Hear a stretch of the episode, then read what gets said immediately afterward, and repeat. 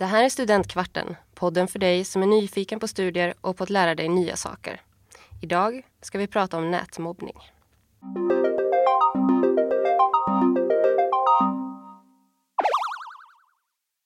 Jag heter Louise Larsson och jag både jobbar och studerar vid Lunds universitet.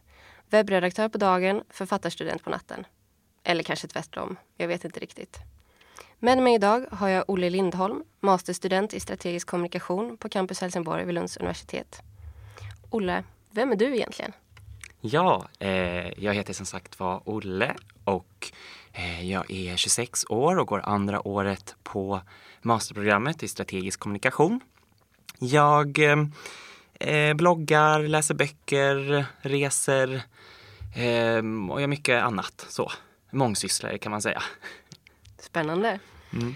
Dagens ämne kommer ju sig av att det är något som du ska skriva din masteruppsats om.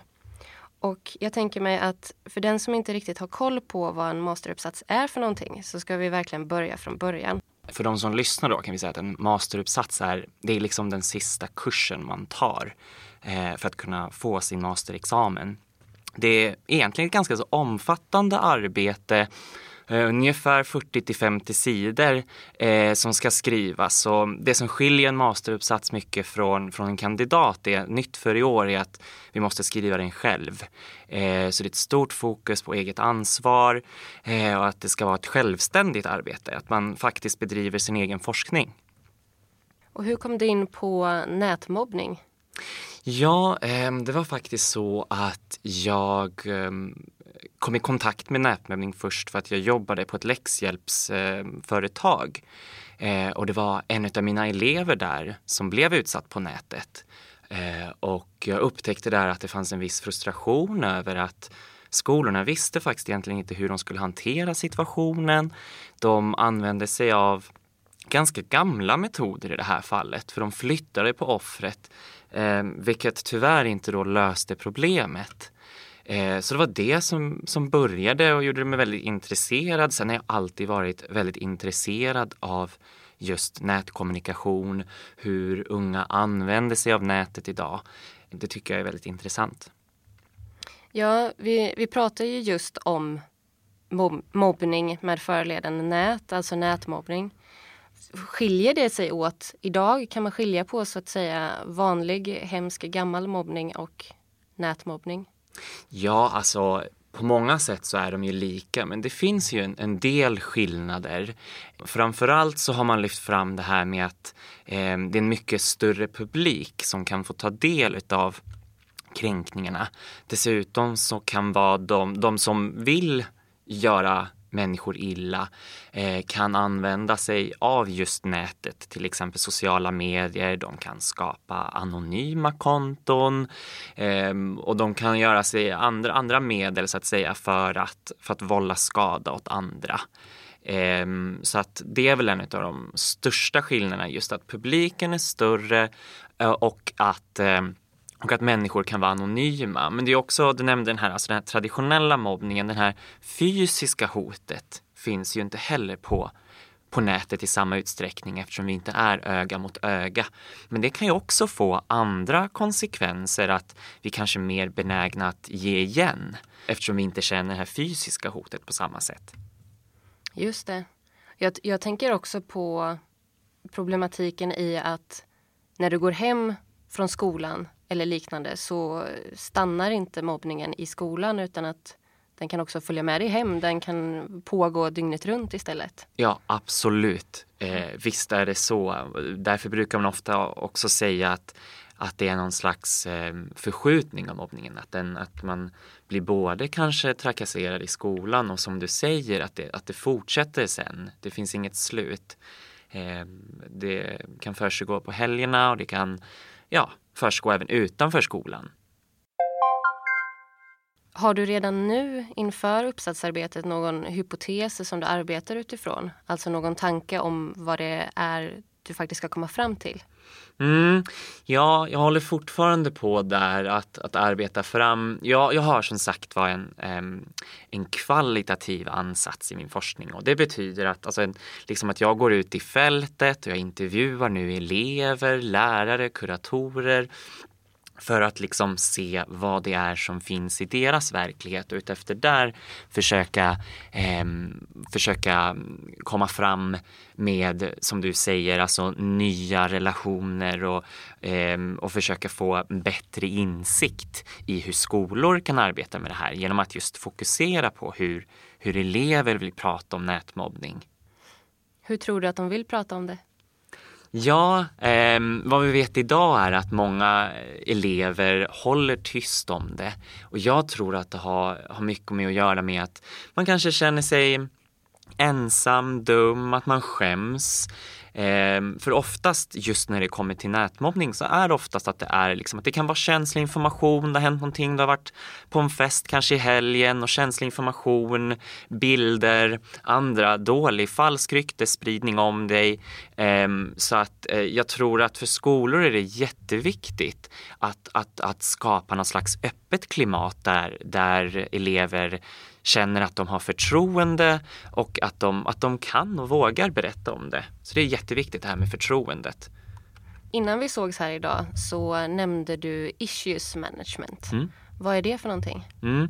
Just issues management brukar vi säga, det är ett begrepp som ofta används inom, inom public relations.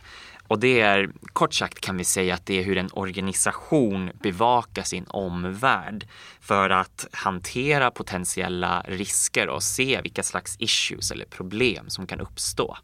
Okej, och det är där då skolan kommer in i bilden, hur de skulle kunna arbeta med det? Exakt. Mm -hmm. För i dagsläget hur de arbetar är oftast att de har vad som kallas för sådana här lika behandlingsplaner där de oftast kartlägger mobbning i skolor. Men från vad jag har sett hittills i min studie så gör man bara en kartläggning av själva skolan men skolor har inte en så bra susning om vad som faktiskt försiggår på sociala medier eller nätet. Där, där görs det ingen kartläggning från vad jag har sett. Vad tror du att det beror på? Jag tror att det kan bero på en del olika anledningar. Främst är det väl kanske en, en resursfråga och eh, att eh, skolor kanske inte har tiden eller eh, kompetensen för att det är också väldigt svårt, ska tilläggas, att göra dessa typer av, av undersökningar. Särskilt om man egentligen inte riktigt vågar prata om det. Nej, precis. Jag tänker också på Vet du vad det är för skillnad på nätmobbning och nätkränkning? För jag tänker mig att mobbning kanske är någonting som pågår under en längre period, upprepade gånger eller något. Medans kränkt, det kan, man, det kan nästan alla ha blivit någon gång. Ja, precis. Det är ju oftast den, den mer traditionella definitionen av mobbning, precis som du säger, att det är, det är en repeterande handling och den görs med avsikt. Men just nätkränkningar kan ju vara en sån sak som att eh, någon kallar en för hora eller bög på sociala medier. Och där tror jag att eh, det är väldigt viktigt eh, för skolor att göra elever också medvetna om det. Det ska sägas att de här, alltså det här likabehandlingsarbetet som, vi, som jag nämnde tidigare, det har väldigt mycket att göra med de här sju diskrimineringsgrunderna.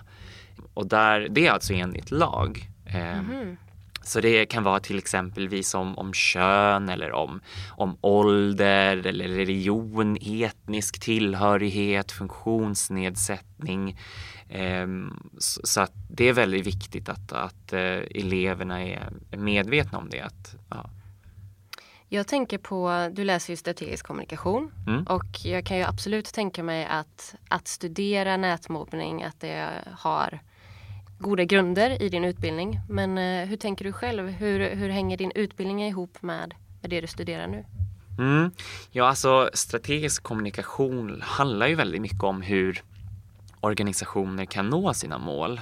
Och där ser jag att att, att nätmobbning är ju ett stort problem, eller mobbning överlag ska jag säga, kränkande behandling är ju ett, ett, ett, problem som gör att skolor inte kan lyckas med sina uppdrag. Därför att människor mår ju väldigt illa utav det här, av att bli kränkta, vare sig det sker på skolgården eller på nätet. Så att eh, det som du säger, kommunikation ser jag spelar en central del eh, i det här sammanhanget. Det känns nästan som att när jag introducerade det här ämnet så lät det lite så här för käckt för att det är ju ett eh, jättestort problem som nästan bara blir större och större för varje dag. Alla nya appar, alla nya olika sätt som kommer med nätet och sätt som vi kommunicerar på så kommer ju också nya möjligheter att faktiskt vara elaka mot varandra. Men jag tänker också, ser du hur vi kan använda nätet till, till motsatsen, alltså att motverka mobbning eller att eh, jag vet inte, göra folk glada istället. Ja, oh ja, det är jätteviktigt också att säga att det här, jag menar nätmobbning, det är ju bara oftast, alltså det är ju avsidan av nätet, men nätet och sociala medier har ju också eh, otroliga möjligheter till att just skapa nya gemenskaper. Du kan få nya vänner från världen över eh, och möjligheterna med nätet är ju fantastiska.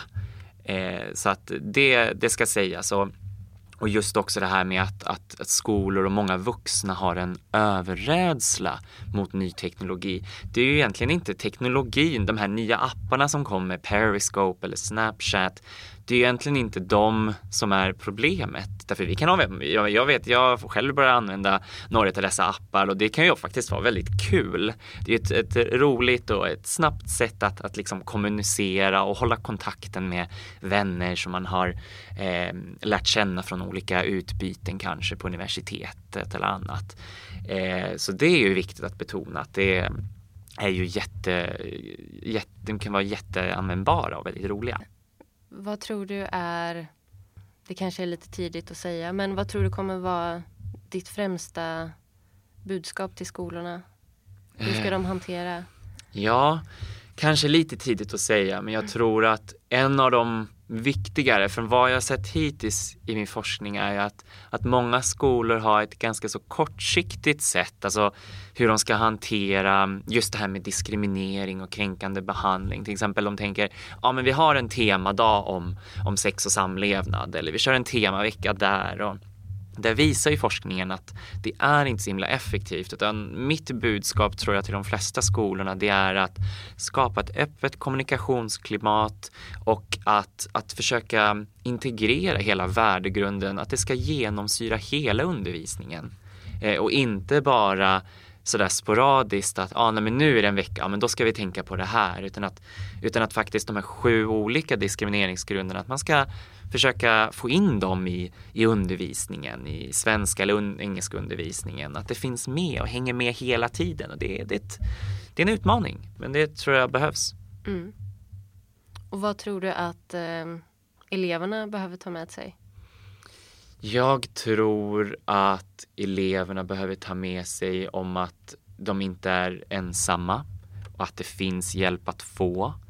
Ehm, det finns, eh, och det tror jag också, jag har inte pratat med så många elever än, men jag tror att många elever är medvetna om det. Eh, om att de kan söka hjälp via nätet och att det finns hjälp att få. Tack så jättemycket för att du ville komma hit. Har du något mer som du vill tillägga som du känner att vi har missat helt och hållet? Nej, jag tror inte det. Tack för att jag fick komma. Det var jättekul att få vara här och få, få prata om min forskning. Det var roligt att, att höra om den. Och eh, ett jättestort tack till dig som lyssnade. Om du vill veta mer om hur det är att studera strategisk kommunikation så kan du gå in på Lunds universitets webbplats, LUSC, och klicka dig vidare via ingången Studera eller rutan Program och kurser. Du kan också såklart söka efter strategisk kommunikation så hittar du oss hur lätt som helst. Tack så mycket.